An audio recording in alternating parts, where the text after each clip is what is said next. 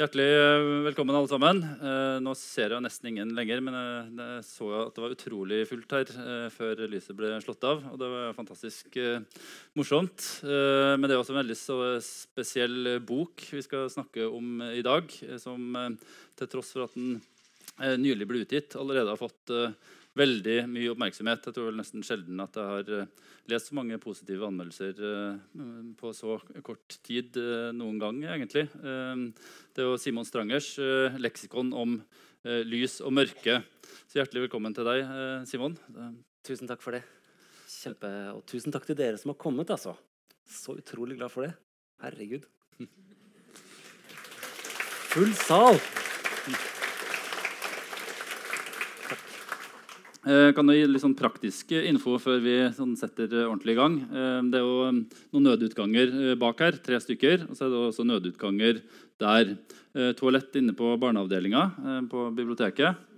Og så er det som sagt mulig å kjøpe seg noe å drikke også underveis i, i samtalen for den som, eh, som ønsker det. Eh, og jeg regner med at vi skal holde på sånn ca.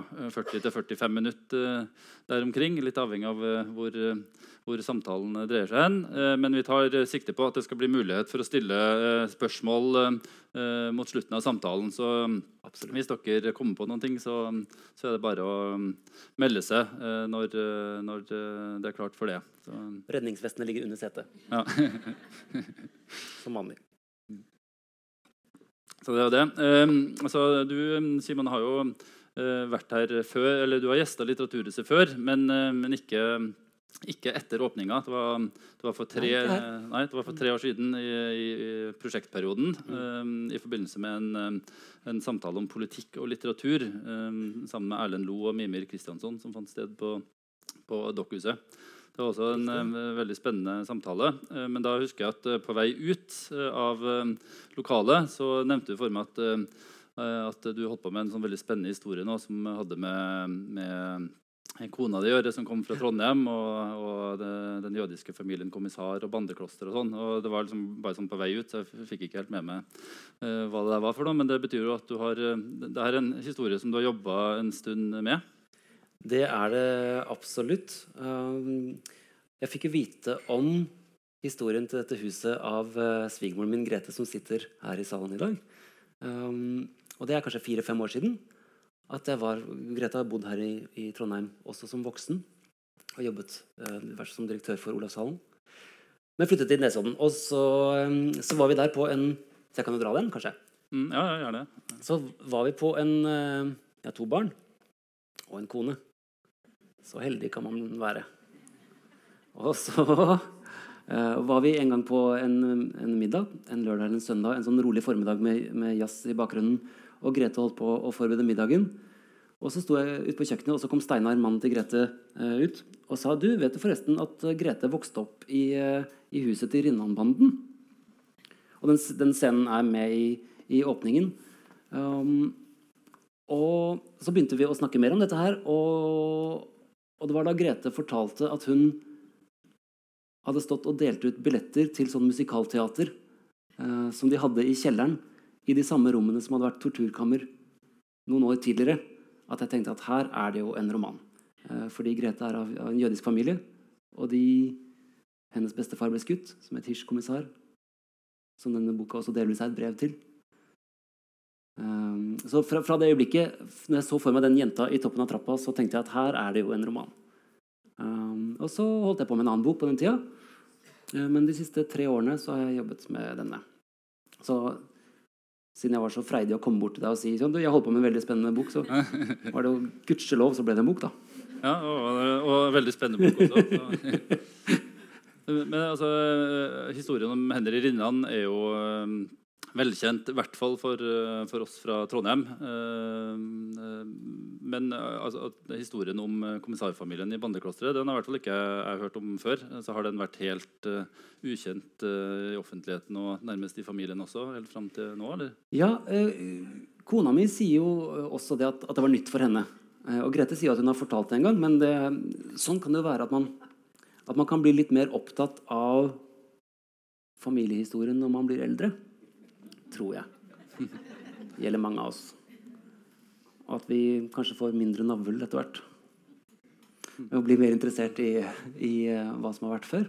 Og det er jo veldig rart hvordan vi For å snakke for meg selv, da.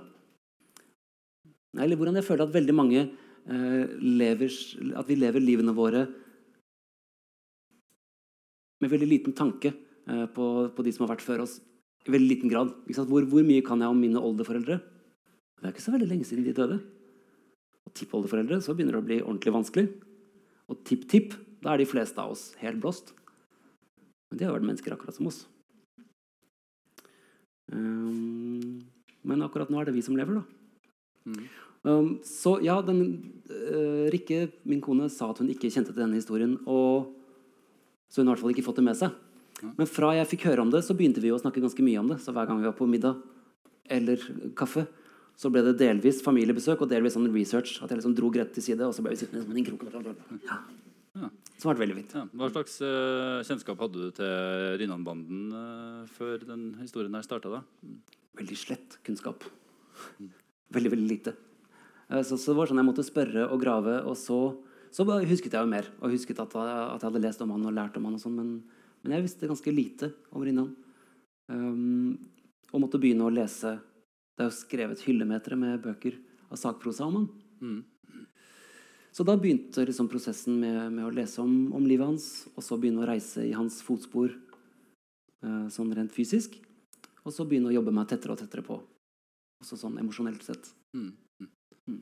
Men uh, altså, kommissarfamilien det, det, er jo en av de kjente jødiske familiene i Trondheim, som også har forgreninger til Oslo og, og, flere andre steder i landet. Men altså, det er jo et av de kjente jødiske Trondheims... Eh, og boka er jo, som du uh, sa, på, på, en måte skrevet til uh, Hish kommissar. Mm. Men altså, hvem, hvem, hvilken familie er det vi, vi snakker om? Ja, takk. Um, det er da Utgangspunktet er uh, Hish kommissar. som kom fra en, et lite sted som het Parici i det tilfellet Hviterussland nå. Og hans kone Marie, um, som også da tok navnet kommissar. De drev en liten butikk i Nordregate som het Paris Vin. Og solgte hatter og hansker og kjoler. Og sånn, jeg har sett noen bilder. og Det ser ut som det kunne vært en fantastisk butikk nå. Liksom. Så utrolig lekkert interiør. Um, og kanskje noen her husker å ha vært der. Jeg ser til noen nikkende hoder i mørket. Um, så de, de, levde sine liv her og, og, prøvde seg først med en dagligvarehandel. Så gikk det en konkurs. og så. Men Paris Wien fikk de ganske godt opp og gå. Um, og så fikk de tre barn, hvor en av de heter Gerson Gershon Kommissar, som var med å, å starte BI senere. Etter at han ble udrept. Og så uh, Jakob Kommissar, som ble i Trondheim, og som var vel aktiv her i, i Mosaiske trossamfunn i, i mange år. Um, som var gift med Vera Kommissar, som senere giftet seg med, med Julius Paltiel. Mm. Og så fikk de uh, hun som bare blir kalt lillemor i boka. Um, Ester. Tre barn. Og så kom dette blir et veldig, veldig langt svar, men så kom krigen. Og det som er det tragikomiske, det er at uh, da i 1940, da krigen kom, så flyktet de alle sammen til Sverige. Så de tok den lille bilen, og Hish han kunne ikke kjøre bil. Så det lillemor var den eneste som hadde lappen. Hun var 18 eller 19 eller noe sånt. Så hun kjørte, så kjørte de til togstasjonen og tok eh, ettersom jeg har forstått, det siste vanlige toget som gikk over grensen. Og kom seg i trygghet til Sverige. Og så er det ganske kjedelig å sitte i en flyktningleir, da, sikkert. Her hadde de en leilighet, de hadde Paris-Wien, de hadde livet sitt her. Så etter en stund så fikk de beskjed om at, eller signaler om at det, det var mulig å komme tilbake igjen til Norge eller til Trondheim og leve eh, som før. Um, og at tyskerne på en måte oppfordret til det. De, de, de, var også avhengige av å holde samfunnsmaskineriet i gang. Så så lenge man ikke liksom, stakk seg ut eller gjorde noe, så kunne man vende tilbake igjen og gjenoppta livet. da. Så de gjorde den fatale beslutningen eh, å flytte tilbake. Og det blir sånn eh, vinteren 40-41. Uh, og så januar 42 ble Hirsch arrestert. Og da hadde kona hans Marie sklidd på isen og brukket uh, forbrudd i, i, hofta. Lårhalsen heter det. Jeg kommer sikkert til å lære meg det ordet bedre når jeg blir eldre. The hard way. uh, så han kunne ikke stikke av heller. Uh, så han stilte opp til avhør, ble satt på Falstad. Var på Falstad eh, fra da januar 1942. Jobbet som tolk en stund i Nord-Norge for russiske krigsfanger, for han snakket da også russisk. Han kunne visst fem språk. Og ble til slutt henrettet som et av de ti soneofrene i Trondheim. Eller i Falstadskogen 7.10.1942. Mm. Idet unntakstilstanden startet. Så um, Romanen er mange ting. En av de er at den er utformet som et langt brev i du-form. Sagt annerledes. I den jødiske tradisjonen så sier man at et menneske dør to ganger. Den første er når hjertet slutter å banke. Den andre gangen er når navnet ditt sies, tenkes på eller leses for siste gang. som kan være veldig lang tid etterpå. Først da er mennesket strøket ut av livet på jorden.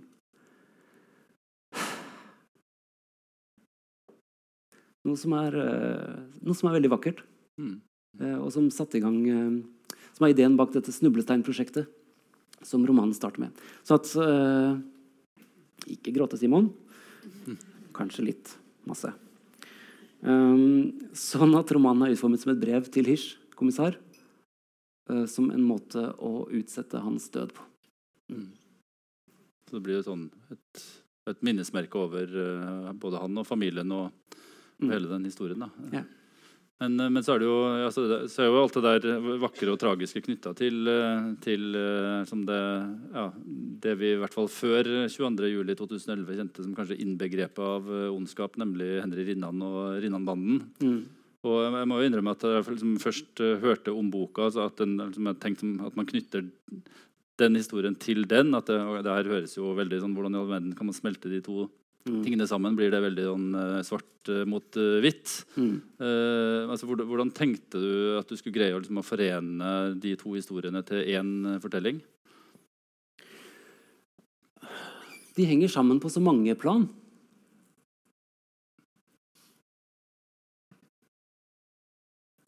Um, jeg tror de som, de som, opplever krig, tror jeg opplever at det er umulig å slippe unna den. Man har fanget i den på et eller annet vis uansett hvilken side man er på. Uh, i, i, denne historien så er livet til Rinnan uh, og livet til kommissarfamilien veldig veldig tett sammenvevd. Um, noe jeg ikke har funnet svaret på, er hvordan fordi det, det, som skjer da, er at Hish, kommissar, og broren til Marie, som heter David Wolfson, og flere andre, Eh, ble overhørt mens de satt og snakket på en, en kafé som het Kaffistova, Stova, eh, som ligger rett her borte.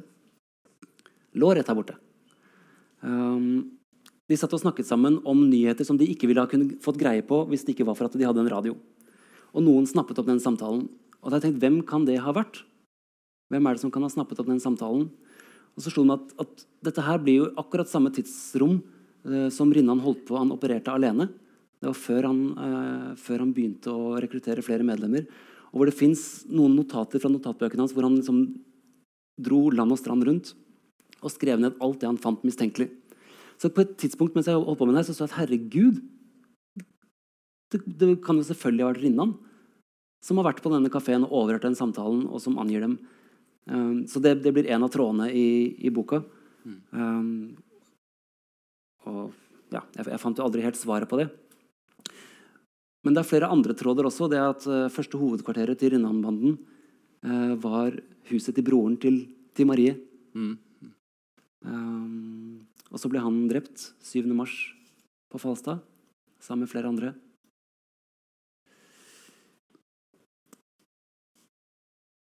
Og så fra september 43 så ble, så ble Jonsvannsveien 46, som er dette huset som kalles Bandeklosteret. Jeg tar det for gitt at dere kan den historien. Jeg vet ikke om dere... Ja. Eh, så flyttet de inn der og, og, brukte det som hovedkvarter fra september 43 og ut krigen. Mm. Og så flytter altså kommissarfamilien inn der, av alle steder. Av alle hus. Og det har vært et av de spørsmålene som, som har forfulgt meg, og som, som ikke har gnaget, men som har vært en sånn, gnaget på en god måte. Si. eh, som har vært en, sånn, en motor i, i, arbeidet. Da. Hvorfor i alle dager gjorde de det? Um, og det tror jeg at jeg har funnet et, et rimelig fornuftig svar på. Men, men, men uh, det du egentlig spurte om, denne koblingen med, med Rinnan og kommissærfamilien, så blir jo de, de blir også det blir også bøddel og offer. da. Mm. Så det blir portrett av hvordan vi mennesker kan velge forskjellige retninger i livet, og hvordan ytre omstendigheter kan føre oss til å foreta grusomme valg. Fordi jeg tror jo ikke at Rinnan et, var et monster. Jeg tror ikke han var noe helt abnormalt, noe som, som ikke vil gjenta seg. Um, og noe som ikke vi må forholde oss til. Jeg tror, jeg tror ikke at han var noe sånn uh, som bilulykker eller naturkatastrofer. Jeg tenker at dette her er, Selv om jeg virkelig fordømmer handlingen hans og mener at Rinnan på flere sentrale punkt i livet sitt kunne valgt grunnleggende annerledes Han hadde ikke trengt å bli Henry Rinnan. På et tidspunkt så, så Selv om han har mange av biografiene om han beskriver han som, som bitter ungdomstid, og, og, jeg også, så på et tidspunkt så gifter han seg og får barn og har en jobb. Så begynner han å underslå penger Eh, som er det som fører til at han mister jobben. Han kunne ha latt være å underslå penger. De kunne vært litt fattigere. Eh, men han kunne sagt 'vi har litt dårlig råd, men gi meg en klem', mm. kjære Klara. Så kunne de kommet seg gjennom det. Gått ut med søpla, kikket på stjernehimmelen. Mm. Han hadde ikke trengt å, å, bli agent for tyskerne. Men når man først, man først har tatt en del av de valgene, eh, så, så, så, så fanger spillet også. Mm. Mens, mens Hirsch blir jo en representant for den andre siden som, som, blir fange. og som ja, Du har valgt et veldig, ganske spesielt fortellergrep for å fortelle denne historien. Eh, ja. Uh, altså, det, er ikke, det, er ikke, vanlige kapitler eller uh, ulike tråder i uh, ulike kapitler, men du har rett og slett fortalt den gjennom, gjennom alfabetet. hvordan kom du til den løsningen? Jo um, Er det noen her som har lest den? Mm. Så morsomt, da. Jo, nei, jeg, jeg jobba med den uh, et års tid først. Fra 2015 til høsten 2016 så holdt jeg på med den alene. Uh, gjorde research, reiste i Trøndelag, leste bøker om Rinnan, skrev, prøvde å, å, finne ut ok, hvor var han, til hvilket tidspunkt, hva skjedde der, leve meg inn i det. Men følte sånn som jeg noen ganger gjør, at det blir sånn skisseaktig først. Særlig når det er historisk materiale. egentlig. At jeg liksom må stable disse stedene på stedene og personene på beina. da. Uh, så jeg var liksom ikke helt fornøyd. Men så var det en passasje som jeg begynte på med hysj, som jeg skrev bare en, en egen bit, som var utformet som, som et leksikon. Uh, som et brev til hysj i uh, som bare 20 sider eller noe sånt midt, i midten av boka. og Der følte jeg at det var en helt annen intensitet, en helt annen sånn kraft i teksten. Og så skjedde det masse Det å skrive er jo ikke alltid kjempemorsomt. Så jeg leverte den til forlaget mitt, som jeg har vært på i 15 år. Hatt samme redaktør. Og så trodde han ikke på prosjektet. Han trodde ikke det var en roman der. Og den, altså. Da var jeg liksom 40, ikke fast jobb. Og det er jo det å skrive jeg har satset på siden jeg var par og 20. Liksom. Dårlig dag på jobben, altså. Det var skikkelig ordentlig grusomt. Så jeg ble ganske sånn ehm, Ja, måtte gjøre en sånn dramatiske hvordan, hvordan, skal jeg fikse det her, da? Dette her er min femte roman. Jeg debuterte i 2003. Min tolvte bok. Så jeg har, jeg har ikke noe plan B. Jeg lever for å skrive. Um, jo, så begynte jeg å se at hva om jeg tar, om jeg tar dette leksikongrepet inn i resten av, av dette materialet? Av det, alt det som jeg, som jeg syntes var litt og ikke var så fornøyd med. Hva skjer da? Så begynte jeg å tenke liksom, A for anklage, det funker jo. A for avhør Nei! A for arrestasjon, det funker jo. Og B B for bandeklosteret, selvfølgelig. B for barndom. Og så hva med C, da? C blir vanskelig på norsk. Det her går kanskje ikke. Jo Rinnan var veldig opptatt av cowboyer. Og viktigere enn som så Se for Carl Fredriksens transport på Carl Berners plass i Oslo. Det passer jo som bare det. Eh, og da ble jeg sånn, sånn intenst sånn, eh, Av de sjeldne øyeblikkene som forfatter, når, når man føler at, eh, at alle bitene bare trekkes magnetisk til av seg selv. da. Som om det var uh, kvikksølv på en måte, som bare renner på plass. Ja, du, har virkelig, du har virkelig skapt en historie uh, med den måten å, å bygge det opp på. Eh, og det er en sånn, uh, et driv i det likevel, selv om man kanskje skulle tro at det blir veldig rart og fragmentert på den måten.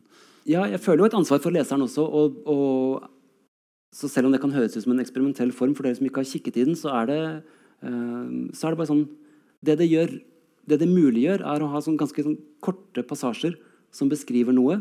En følelse eller et sted eller um, Og så kommer man tilbake til hovedhistoriene. Og de fortelles ganske kronologisk.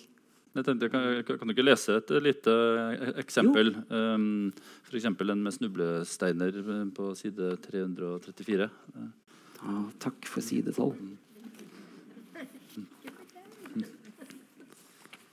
Det er fint med leksikon sånn sett. At man kan liksom, ja, mm, Snublestein, det er på S. Det er bare til her et sted. Det er ikke der. Det er jo det. Ok. S. S for snublesteiner. Det fins flere måter å forsøke å nå inn til det ordløse på.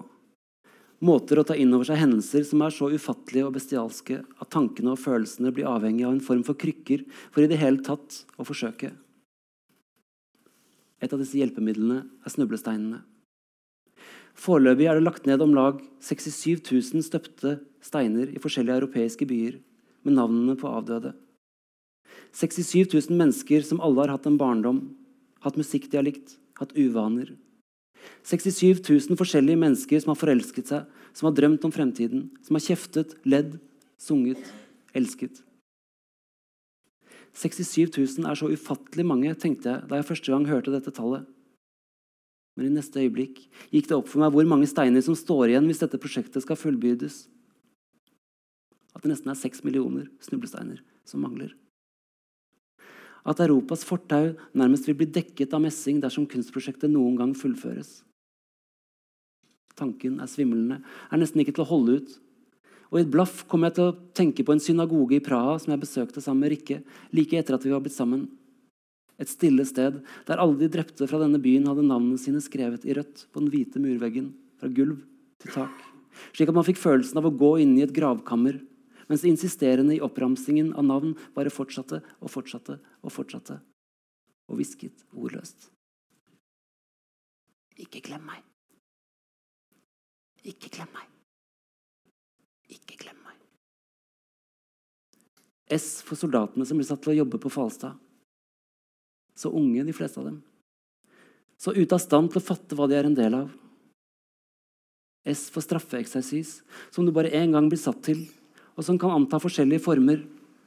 Men den ene gangen du selv må delta, foregår det slik.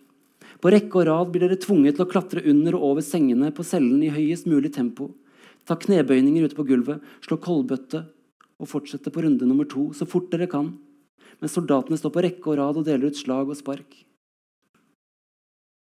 En mann du kjenner, får kjeven slått ut av ledd og havner på sykestua. Selv greier du å komme deg gjennom uten større skader, bare sinne. For mishandlingen fortsetter helt til soldatene blir for slitne og får beskjed om at de kan gi seg. S for stillheten på cellen. S for spytt. Og S for sinne. S for søvnen som bare kommer i rykk og napp. S for slitne muskler. S for sangene som blir sunget i noen av verkstedene for å holde humøret oppe. S for språket du vokste opp med, som du kan snakke med de russiske og de jugoslaviske fangene. S for salene, for sorgen og for solen på himmelen, som skinner over landskapet, uvitende og interesseløs til hva den lyser opp, og hvem sine kropper den varmer. Om det er fangevokteren som lener hodet bakover og lukker øynene, fangen som blir tvunget til å krabbe rundt på bakken, eller om det er vingene til en sitronsommerfugl som setter seg på ryggen hans et øyeblikk, da fangen ligger utslitt mot jorden, før den letter igjen og flyr over den gule muren. S for sannheten, og for sitatet som skal tilhøre Rinnan, som noe han sa til nye fanger som ankom bandeklosteret. Velkommen til det eneste stedet i Trondheim der sannheten sies. Sånn er det. Tusen takk. Det var så lite.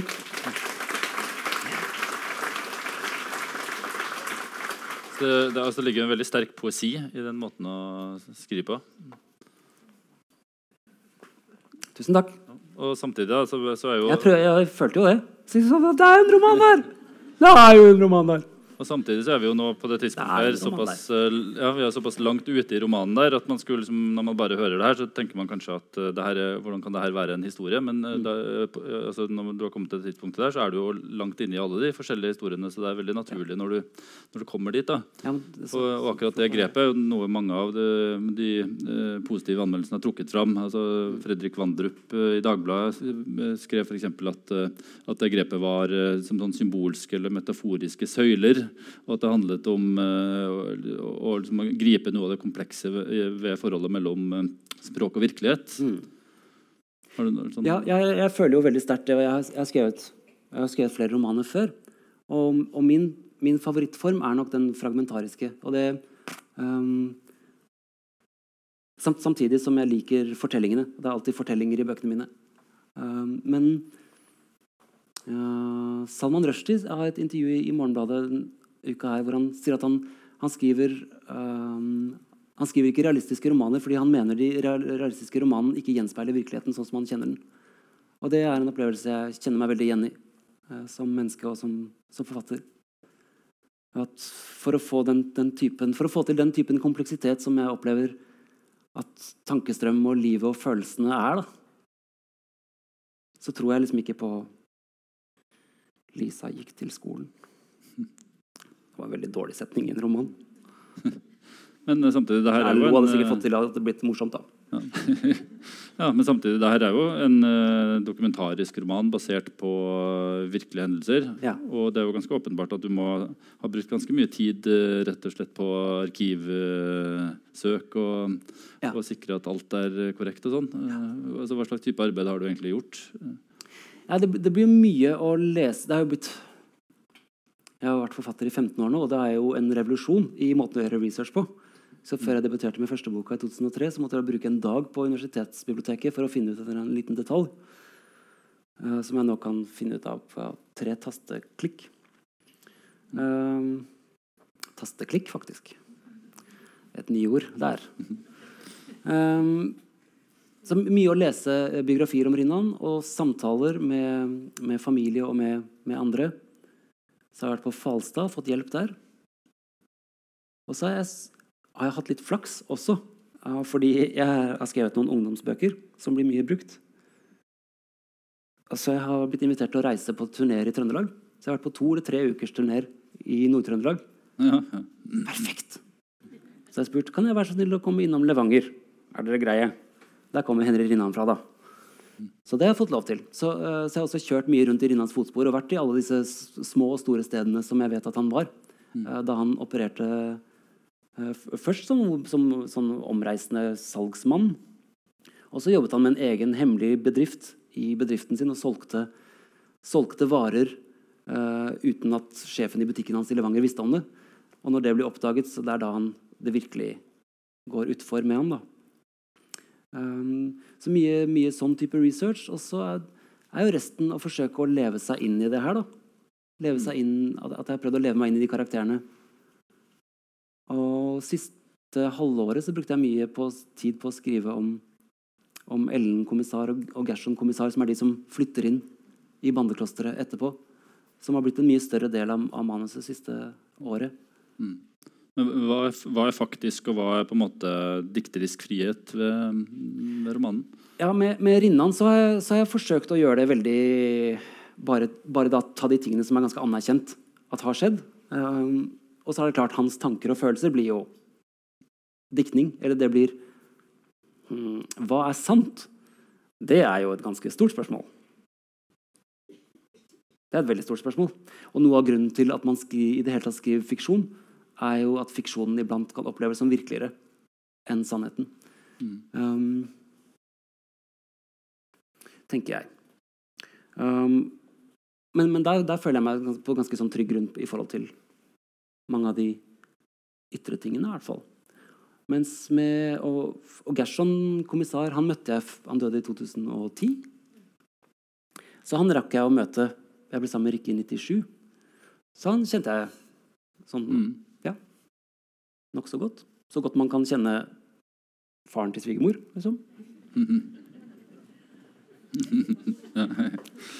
Men, men Ellen-kommissar døde året før jeg, før jeg ble sammen med Rikke. Så, så henne har jeg aldri møtt, og har bare, eh, bare døtrene. Grete og Jannicke sine beskrivelser av, av hvordan hun var, og min egen innlevelse. Eh, så der er kanskje der hvor jeg har diktet, eh, diktet mest. Eh, selv om jeg, vet at hun ble Så dette ekteparet de flyttet inn i bandeklosteret, og så vet jeg at hun ble dårlig i den perioden. eh, mens de bodde der. Og at hun ble dårligere og dårligere. Um, og Grete, sånn som jeg har forstått det, at, at det var delvis pga. husets historie. da. At husets historie siver inn i livene deres. Og det, er- det er klart, det er jo ikke så morsomt å bli forsøkt utryddet og så flytte inn i et torturkammer. Det kan ikke være kjempegøy, da. Det kan det jo ikke være. Så det kan jeg jo på mange måter forstå. Um, så, at, sånn at hun isolerte seg eh, mye oppå dette rommet med sånn buet vindu, som er ganske sånn, karakteristisk for bandeklosteret, og lå der oppe mye. Um, ja, så der, der, er, der er kanskje måttet dikte mest. Mm, Men det er jo et forsøk på innlevelse. Det er jo et, liksom, det, de rammene rundt det er uh, faktiske og um, Ja.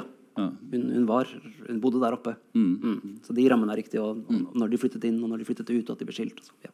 Altså, jo, altså Når det gjelder sånn forholdet mellom fiksjon og virkelighet, uh, som jeg nevnte innledningsvis, jeg har jo mm, lest øh, ikke, kanskje ikke alle, men i hvert fall veldig mange av anmeldelsene som har kommet i forbindelse med boka. Ja. Og det er jo, Jeg tror aldri jeg har sett så mange positive anmeldelser øh, noen gang, øh, nesten. Men det, det var én som var um, litt sånn ambivalent, eller mm. kanskje regelrett kritisk. og Det var anmelderne i Vårt Land som, som, først, som for det første hadde, var kritisk til at du altså Han mente at man burde fordømme Rinnan og ikke prøve å forstå. Det var det ene, det ene, Men så var han også veldig kritisk til at, eh, at, eh, at du liksom dikter rundt eh, Rinnans følelser og på en måte prøver å liksom skape et bilde av Rinnan som kanskje ikke nødvendigvis er sant. Altså, hva tenker du om det? Altså, hvor tett opplever du at du har kommet på, på mennesket Henry Rinnan uh, gjennom den måten du har beskrevet ham på? Ja, nei, eh, Jeg ble ikke så imponert av den kritikken. Jeg tenker at sånn Delvis så er det anmelderen sparker inn litt åpne dører. Eh, og De siste årene så har forfattere som Åsen Seierstad, som skriver sakprosa, beveget seg ganske langt mot romansjangeren. Ved å leve seg inn i, inn i folks hoder og tanker. Eh, sånn at eh, Og dette er jo ikke første gang at en historisk person er med i en roman. Breaking news, men det er det altså ikke. Dette har skjedd tidligere. Er jeg redd for. Så, så det eneste som virkelig avgjør noe som helst, er om det er godt eller ikke. Hvem var det som sa det? Hvis du lyver, så lyv godt. Husker ikke hvem det var. Um, sånn, at, sånn at det eneste som, som betyr noe, er om det føles, føles det sannsynlig at de tankene jeg, og følelsene jeg gir ham, at de føles reelle. Og mm, jeg håper at de gjør det. Eh, For meg så gjør de det, og, og tilbakemeldingene fra mange lesere er at, at de gjør det. Og, og når det kommer til dette med å utelukkende fordømme og ikke forstå, så mener jeg at det delvis er feigt. Eh, En feig holdning. Og at det er også noe vi som samfunn ikke kan tillate oss. Fordi, som, som, vi, som jeg snakket så vidt om i stad, dette er jo ikke et enkelttilfelle. Ikke sant? Og 22. juli eh, står som et um, grusomt eksempel på, at, uh, på hva, som, hva utenforskap kan føre til. uh, som særlig unge menn, altså. Jeg har enda til gode å lese om en, om en jente som utfører en skolemassakre. Massakre. Det er alltid unge menn. Så hva slags uh, Hva slags muligheter og hva slags fortellinger er det vi gir guttene våre som kultur? Som fører til disse menneskene? Det Der har vi en jobb å gjøre. Så jeg mener at vi ikke bare kan, men bør forsøke å forstå disse menneskene nettopp for å forhindre at det skjer igjen. Eh, forsøke å snappe det opp så tidlig vi kan. Fordi vi merker det jo. ikke sant? Vi kan se det allerede når folk er små. Så øh, det, det, som skjer med sånne mennesker, er når de føler seg utenfor, at de retter, retter den frustrasjonen og den sorgen øh, forstenes og forvandles til hat som rettes utover. Eh, så ja, jeg mener at man skal forsøke å forstå Henry Rinnan. Mm. Mm. Jeg tenkte om du um, kunne lest et lite eksempel eh, fra boka som uh, bl.a. handler om Rinnan, side 158. Uh, bokstaven I. Både isklumper, iling, irritasjon, Ivar Grande og intervju. Mm. Det skal jeg lese. Dere får kortprosadelene, da. Um, I. I for isklumpene som kunne feste seg i skjegget til noen av fangene på vinteren. Tråder av spytt eller snørr som klumpet seg sammen i barten og i hårene rundt haken, slik at ansiktet tok form av noe viltvoksende, som i naturen. I for ilingen oppover ryggraden av slagene fra stokkene når du måtte gjøre armhevinger mot bakken på gårdsplassen. I for irritasjonen som vokser i av knuffingen, av matmangelen, av hunsingen. Hvor mye må det vel ikke til for å bevare sin verdighet, sin menneskelighet, når hele systemet du er plassert inn i, er bygget opp med ett eneste formål å ta det vekk fra deg? I for Ivar Grande, den første nestkommanderende i Rinnan-banden etter at han begynte der i mai 1942. En høy og atletisk mann som ble skilt da han innledet et forhold til Kitty Lorang, som tok etternavnet hans da de giftet seg. Ivar hadde lett, Ivar hadde lett for å få folk til å like seg, og er beskrevet som en effektiv infiltratør. Han var høy, kjekk, selvsikker. Han var en mann folk snudde seg etter, som folk automatisk lyttet til, også innad i gruppen. Kunne Rinnan merke hvordan de andre vendte seg mot Grande for å høre hva han mente om en sak. Enda det var han, Rinnan, som var lederen deres. Det var et problem, helt til det sluttet å være det. Rinnan fikk Ivar Grande overflyttet til en post i Ålesund. Like etterpå ble han skutt. Kitty Grande ble enke og trakk seg samtidig fra banden. I for intervju. I et intervju med NTB fra 1946 uttaler en av de tre medisinske sakkyndige fra rettssaken mot Rinnan dette. Det er ingen tvil om at Rinnan har en ganske eiendommelig makt over sine medmennesker. Jeg har hatt flere samtaler med ham, og jeg skammer meg ikke over å si at jeg selv har følt hans suggestive makt. Ellers er han på mange måter imponerende å snakke med, og hva intelligens angår, ligger han i overkant. Når han likevel endte som storforbryter, skyldes det vel i første rekke alvorlige abnormiteter i følelseslivet. Men jeg tror ikke det er noe sykelig i hans makt over medmennesker. Hmm. Det var et veldig kort kapittel. Ja. Se! Det var kort, det. Skulle tro det var sett eller noe sånt. Har du sett? Uh, altså, du har jo uh, uttalt uh, i intervjuer at du har hatt som mål med den boka å skrive noe vakkert over noe som er grusomt. Ja. Og da, altså, da, er det lett å tenke på den, det er Adorno som kom med en sånn, sånn veldig kjent, berømt uttalelse om at liksom, å skrive poesi etter Auschwitz det er barbarisk. Mm. Det er kanskje flere som har gjort forsøk på det, det liksom, når det har gått noen år, men, men allikevel. Altså, det er jo det er, ja jeg, jeg, kan forstå, jeg, kan forstå, den sorgen og det sinnet som jeg opplever ligger bak det sitatet. Som er sånn hva, Hvordan er det diktet dikt igjen? Hvis noen av dere har vært på sykehus eller kjenner noen som har vært det, hvordan man kan komme ut fra sykehuset og bare bli så overrasket og nesten sint over å se at folk bare går sine liv som vanlig. Vet ingenting, da. Så fortsetter de til middager og henter i barnehage. Og ja. Så hvordan man kan få et sånt sinne Hvordan kan man skrive poesi etter Auschwitz? Jeg tenker jo at det er nettopp det vi må.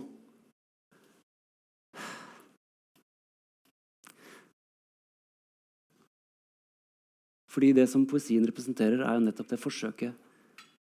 Forsøket på å se etter sammenhengen og se etter skjønnheten. Da. Ikke sant? Og vi Eh, etter Auschwitz så, så Vi føder jo barn. Solen står opp. Vinden får bladene til å bevege på seg. Babyer som hopper opp og ned på fang. verden fortsetter, da. Ja, det barbariske har dessverre skjedd både før og etter Auschwitz. I stadig mindre grad, da. I stadig mindre grad. Og det Noe av det som er viktig for meg å si og tenke rundt denne romanen, er nettopp hvordan, hvordan disse Det er eh, en annen bokstav her. M for monstre som hviler inni hver og en av oss. Jeg tenker at Disse, disse sidene fins ved oss som mennesker, som potensialet. Men også det gode finnes. Og det er sånn vi, de fleste av oss lever våre liv. Det vi som samfunn har ansvar for, er å kanalisere de egenskapene hos oss. Ikke sant? Å kanalisere vekk det som kan føre til barbari. Og få folk til å skrive poesi i stedet. Da blir det fint. Eller se på Netflix. Er et, um, Bare ikke skyte hverandre.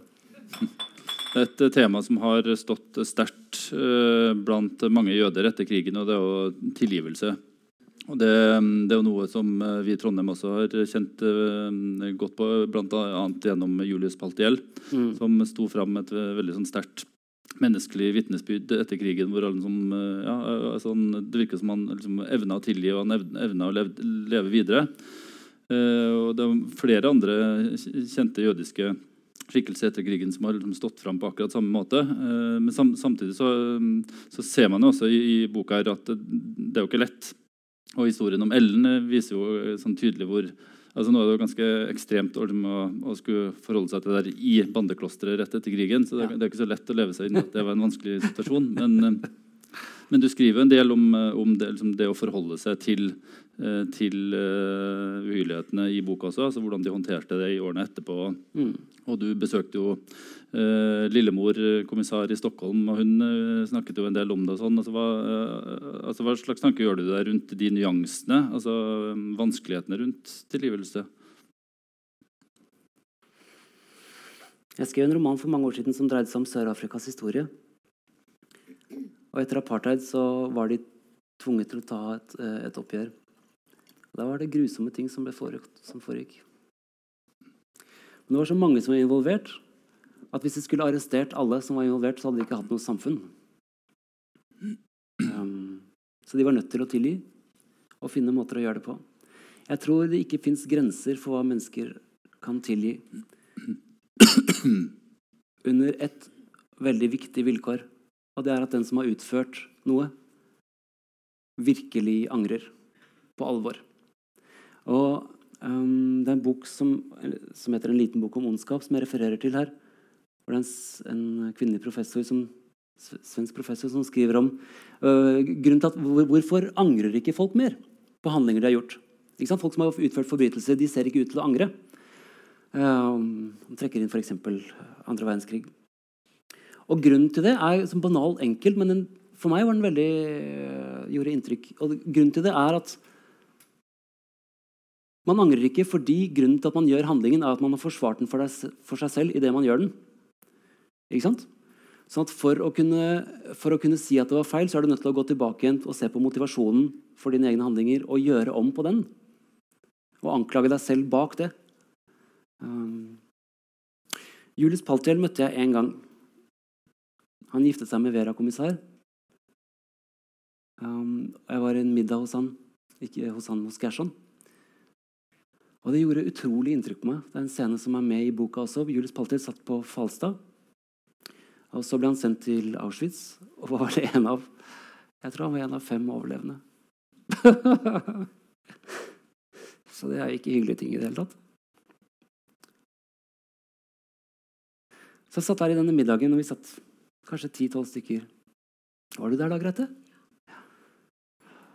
Så satt han med opp, oppkneppet uh, skjorteerme og hadde dette fangenummeret tatovert.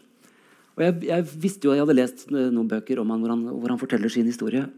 Uh, og visste litt om det. Men jeg har aldri noen gang, verken før eller siden, kjent en sånn vennlighet, tror jeg. Så utrolig varme. altså. Og han, han ville jo nettopp ikke hate, ikke sant? men tilgi. Jeg tenker, Hvis han kan tilgi, som har sittet i Auschwitz. Da kan vi klare det. Mm. Altså, det har jo blitt et uh, Ikke jeg gråte i dag òg? Det er bare andre gang i dag. Herregud, den boka er på på å ta livet av meg. Jeg skal skrive en brok om promp neste gang. Ai, ai, ai. Det her har jo, um, altså det har jo blitt et, uh, et, litt av et familieprosjekt. Da, etter hva jeg forstår. Og eh, Spesielt kona di Rikke spiller en ganske sentral rolle også i, i romanen. Ja. Eh, og tenkte, um, altså tenkte vi kunne liksom avrunde egentlig eh, med et lite utdrag uh, sånn helt fra sl- slutten der. Men uh, så jeg først kunne tenke, meg å spørre liksom, hvordan har liksom, svigerfamilien din egentlig forholdt seg til, til det her prosjektet? I all hovedsak veldig positivt, altså. Og så, så er det en forskjell så, så Vi har bidratt masse, eh, både Grete og Jannicke og, og Rikke. Og så, så var vi, som du nevnte, så har vi besøkt Lillemor. Da var hun 99 år gammel. Hun ble igjen i Sverige, da. Luringen. Eh, og det var veldig fint møte, altså. Hun danset ballett her ved Trøndelag Teater.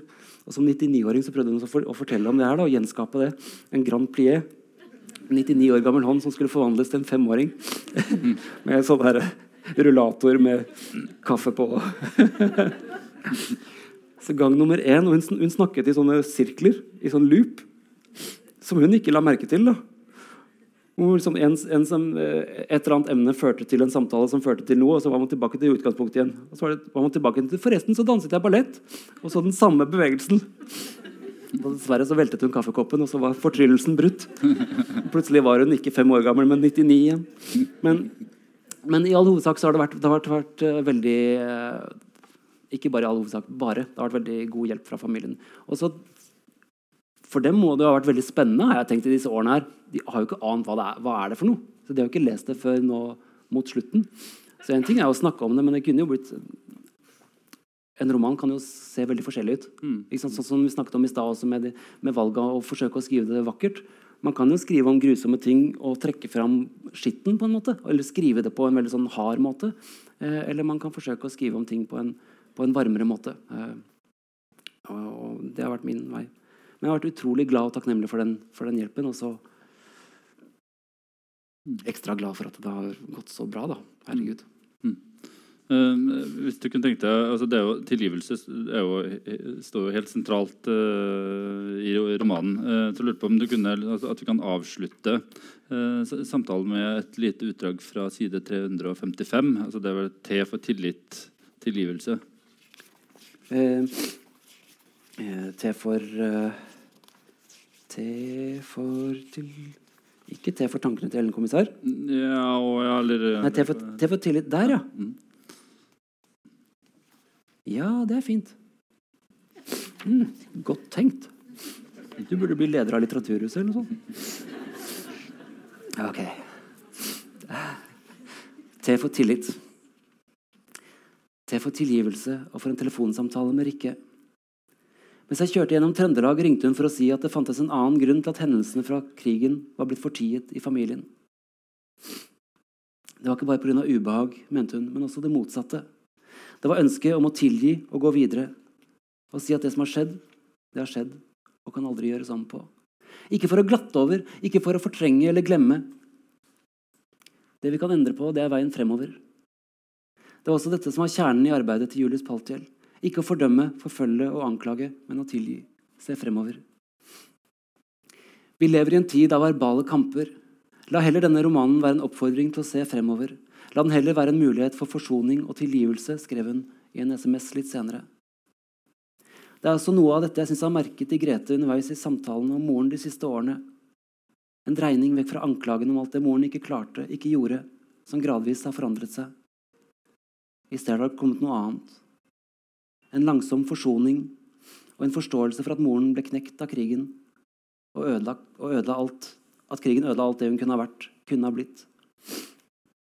Alle disse samtalene, alle disse fragmentene og brokkene, de har gradvis ført til en forsoning. Krigen ødela så mange menneskers potensial, så mange unge drømmer. Likevel er det ut av dette ødelagte min egen familie ble til. Til for tid. Til for tilgivelse. Til for tilgivelse. Til for tilgivelse.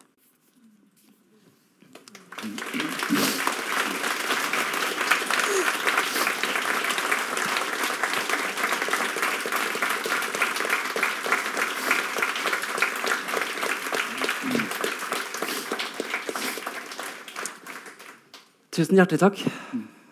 Tusen takk til deg, Simon. Jeg synes det var naturlig å avrunde med, eh, med Ja, kjempe, kjempefint. Men, eh, men eh, altså, vi åpner jo for noen spørsmål fra salen. Hvis det er noen som har det. Nå er det eneste problemet at vi har fått sånn nytt teknisk anlegg her, så jeg ser jo faktisk ikke publikum nesten i det hele tatt. Men eh, hvis det er noen som har, har spørsmål, så er det mulig å rekke opp hånda. Eh, Kanskje vi skal ha på lys når vi har spørsmål? Ja, det går, det går jo an. Så, Let there be light. ja. Ja, så hvis det er noen som Oi. har eh, en kommentar eller et spørsmål, så er det La det strømme penger fra taket. Nei. Tydeligvis begrensede evner. Beklager. Og Hvis ikke, så er det jo, det er jo mulig å kjøpe boka her eh, for den som har lyst til det. Og det, du skriver vel en liten signatur? Jeg signerer selvfølgelig gjerne. Også, for, eh, De krampa ta meg. som, eh, ja. mm. ja, Hvis det ikke er noen som har spørsmål, så Ja, du har et spørsmål. Ja. Mm. Ja. ja, jeg var i bandeklosteret uh, hos han uh, Det er ikke bandeklosteret nå lenger, da, stakkars mann som bor der. Er du her, forresten? Nei. Um, en professor som bor der, en veldig hyggelig mann, som har bodd der i 20 år. Og uh, Så han, han, han lot meg slippe inn uh, en gang. Så, så fikk jeg se disse rommene sånn som de er nå, og var også nede i kjelleren. Han hadde kuler som han hadde funnet i veggene uh, på peis, var på peishylla i stua. Små sånne rare kuler. Er galskap, altså. Kjelleren der Kjelleren i bandeklosteret er, det- er ca. to meter, tenker jeg. Så for meg så var det sånn nesten følelse av at hårene sneier borti. Og der drev de og skjøt vilt rundt seg. liksom. 20-åringer som var dritings med automatvåpen i en kjeller. Det høres ut som russefeiringen i Hellas blir en sånn mild. Eh, men eh, så jeg, jeg, jeg fikk, eh, fikk slippe inn, og han, han fortalte en gang når han ble spurt hvordan det var å bo der, at han denne, denne, denne historien ender jo ganske grusomt. Og noen av dere vet det kanskje fra før. Det er tre mennesker som blir drept i kjelleren på slutten. Og det Jeg avslører ikke for mye hvis jeg sier at de blir partert. Så det er koselig. Men på et tidspunkt så sa han at han, eh, det, det var noen rødmalte dører der, at han skulle spyle bort den rødmalingen. Og så begynte den rødfargen å renne nedover gulvet og ned i sluket. Og at han da fikk noen sånne bilder av ja. Men eh, Ja, så jeg har vært der. Jeg må lære meg litt kortere svar, kanskje. Ja. Da kan ikke jeg se flere, så jeg tror eh, Ja.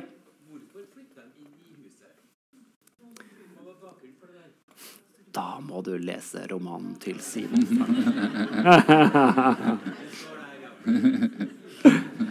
det står der, og det er litt av Jeg tror ikke jeg gjør meg unødvendig vanskelig nå, altså, men det er, for det er, litt, det er litt spoiler å, å si. For det, for det er litt av Det er mange spenningstråder i boka. Um, med, med hva som skjer med karakterene, men også med noen av disse valgene. Hvor, hvorfor skjedde det? Hvis jeg forsto deg rett, så sa du at en forutsetning for å kunne tilgi var at uh, ugjerningspersonen angret. Mm. Mener du det? Ja. Julius Paltier, han tilga. Ja! Sånn at alle de der drev og angret i ett kjør, Gøring og alt det, og, og angrer sånn. Ja, men det har du rett i. Ja, men Det har du, det har du rett i. Det er, det er et veldig godt poeng. Um, sånn at, at tilgi kan man jo da gjøre i seg selv, som du, som du sier. Det må man ofte for å kunne leve videre. Ja, det er veldig sant. Det, det jeg mente, var at hvis det skal ha en, hvis det skal ha en gyldighet uh, for, den, for gjerningspersonen, uh, så, så må den angre, da. Eh, så jeg tenkte på f.eks. på Anders Behring Breivik. Som er noe jeg tenk, innimellom tenker på. Hva om han en dag Hva om en dag alle lagene av konspirasjon og noia og hat faller av ham, og han ser hva han har gjort med de øynene vi ser det med. Det blir en dårlig dag i hans liv. Skal vi se, Det var et spørsmål til der med hører folk bak her når eh, Nei, jeg kan jo få mikrofon, kanskje. Så.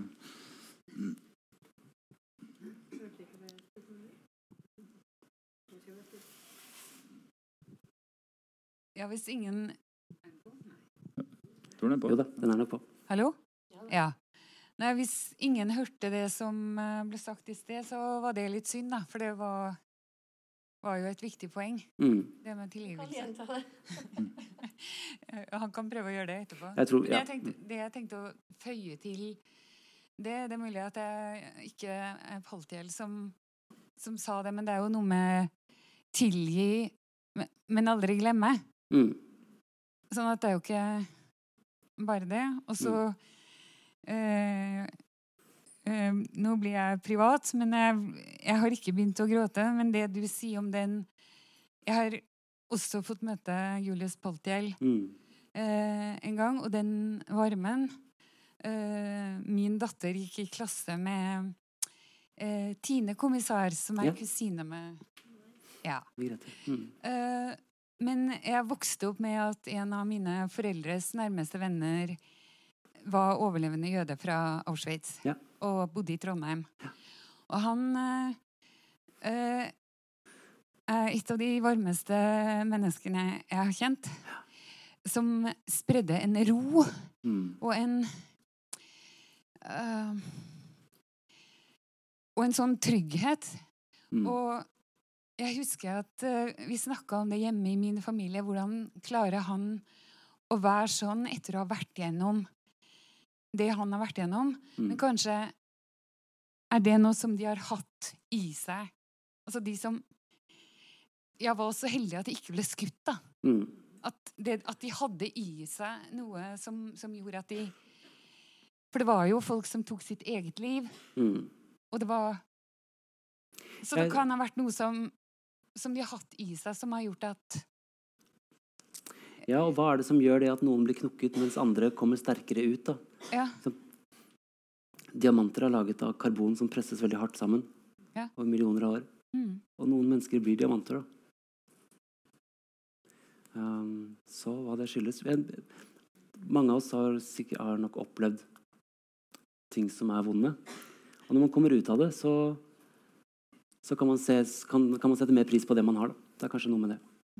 Jeg vet ikke om jeg vil tilbake til det der med tilgivelse og anger og Jeg tror, jeg tror folk hørte svaret og klarte å lappe sammen.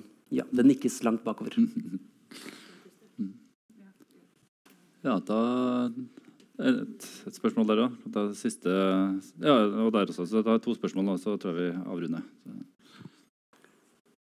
Dette er jo en bok med sterkt budskap, og bare de opplesningene du hadde nå, har berørt sterkt. Så jeg fikk lyst til å spørre deg et mer personlig spørsmål.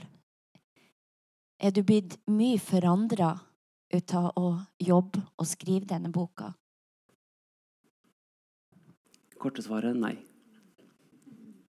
Korte svaret er nei. Um, jeg, har, jeg har skrevet i mange år, og de siste, de siste ganske mange årene eh, så har, har det å skrive blitt gradvis mer alvorlig for meg på et etisk nivå. Eh, enten det er fiktive personer eller reelle. Eh, sånn at jeg føler at Selv om jeg er stolt av, av de tidligere bøkene mine også, av de første bøkene, så, så føltes det mer som om, som om det er liksom karakterer som jeg leker med der ute. Men så skrev jeg en, en roman som handler om, om båtflyktninger, en ungdomsroman som kom i 2009. Som på mange måter beskriver virkelige menneskers skjebner. Og en del av arbeidet med den ble å komme så tett på som mulig. Og det er det jeg har drevet med senere. Eh, ikke holde på med å beskrive folk langt der ute, men virkelig prøve å leve meg inn. Virkelig være der. Kjenne hvordan er det Er bordet kaldt? Er det, hvordan lukter det? Så videre. Um, og i en roman som heter 'En fremmed i verden', som kom i 2012, så skriver jeg også Det høres ut som jeg skriver mye selvbiografiske ting, og det gjør jeg egentlig ikke i det hele tatt. Uh, men jeg har to romaner som er sånn. I 'En fremmed verden', som egentlig skulle handle om Sør-Afrika og apartheid og 1600-tallet og sånn, eh, så er også faren min sin adopsjonshistorie. Eh, og Simon Stranger som gikk med hatt og frakk som 16-åring og trodde verden skulle gå under, og røykte pipe og trodde han var 1000 år. og dagboken som moren min skrev mens han lå i koma. Eh, så det å komme inn til et sånn type alvor hvor tekst blir noe helt annet da. Så det, det har jeg jobbet med en stund. Så nei. Dette vi et aller siste spørsmål der borte. Eh, Du får to mikrofoner, faktisk. Mm. igjen. Eh, det, til tilgivelse så er, kanskje vi skal skille mellom tilgivelse og forsoning. Eh, at forsoningen krever to. Mm. si det sånn. Mm. Men det jeg lurte på, var egentlig om eh, i hvilken grad denne boka Og dette er ikke noe kritisk. Egentlig handler om deg. Og når du sier at for å forstå, så må man gjenkjenne. Mm. Nå ble jeg usikker på om jeg skjønte spørsmålet. Om den handler om meg? Ja, I hvilken grad handler denne boka om Mm. deg? Kan du skrive uten at den handler om deg? Nei. Se, da var jeg flink å svare kort igjen. Nei. Det, det korte Det, det korte Det var ikke lenge. Du kjenner meg allerede. Nei. Uh, når man skriver all, all fiksjon, så er det jo et forsøk på å, å sile ut uh, erfaringene man selv har. Ikke sant? Og, og, og forstørre deler av opplevelser man selv har hatt. Uh, så er deler av det å skrive også skuespillerarbeid. Så jeg, så man, jeg blir langt med, og leseren også, da, langt med inn i Rinnans hode og følelser. Um, med på ja, forskjellige ting. Um, ellers så handler denne boka ikke om meg. Uh, og jeg er ganske lite med i teksten og har forsøkt å være med så lite som mulig. Fordi jeg syns ikke at uh, jeg er, jeg er jo kjempespennende, selvfølgelig. Ellers hadde dere ikke betalt 100 kroner for å komme hit og høre på meg alle sammen. Så jeg er jo en veldig spennende person, men jeg er ikke så spennende i denne boka. Eh, Så jeg bare sorterer stoffet. Eh, Så det, den, den trenger et jeg, eh, og det er meg. Men ellers er jeg ikke så mye med. Den, nest, det aller meste av tekstmengden handler om Rinnan og følger hans historie fra barndom til han blir skutt. Og så er det kommissarfamilien og Hirsch. Og så dukker jeg opp innimellom som en sånn Der finner jeg noe, og der leter jeg videre. Der lurer jeg på noe. Som en påminnelse om hvem er det som sorterer det stoffet her igjen. Og som en sånn emosjonell motor, tror jeg man merker. At det, det er en Til spørsmålet ditt i stad, det er en bok som det føles ekstra sterkt å snakke om. Det er det virkelig. Det er, en, det er en roman som er vanskelig for å snakke om uten å begynne å gråte. Og det har vært mye, mye følelser underveis i jobbing med den. Jeg vet ikke om det var et svar på spørsmålet ditt, men det var det svaret du fikk. Tusen eh, hjertelig takk til deg, eh, Simon Stranger, for at du eh, takk. kom. Og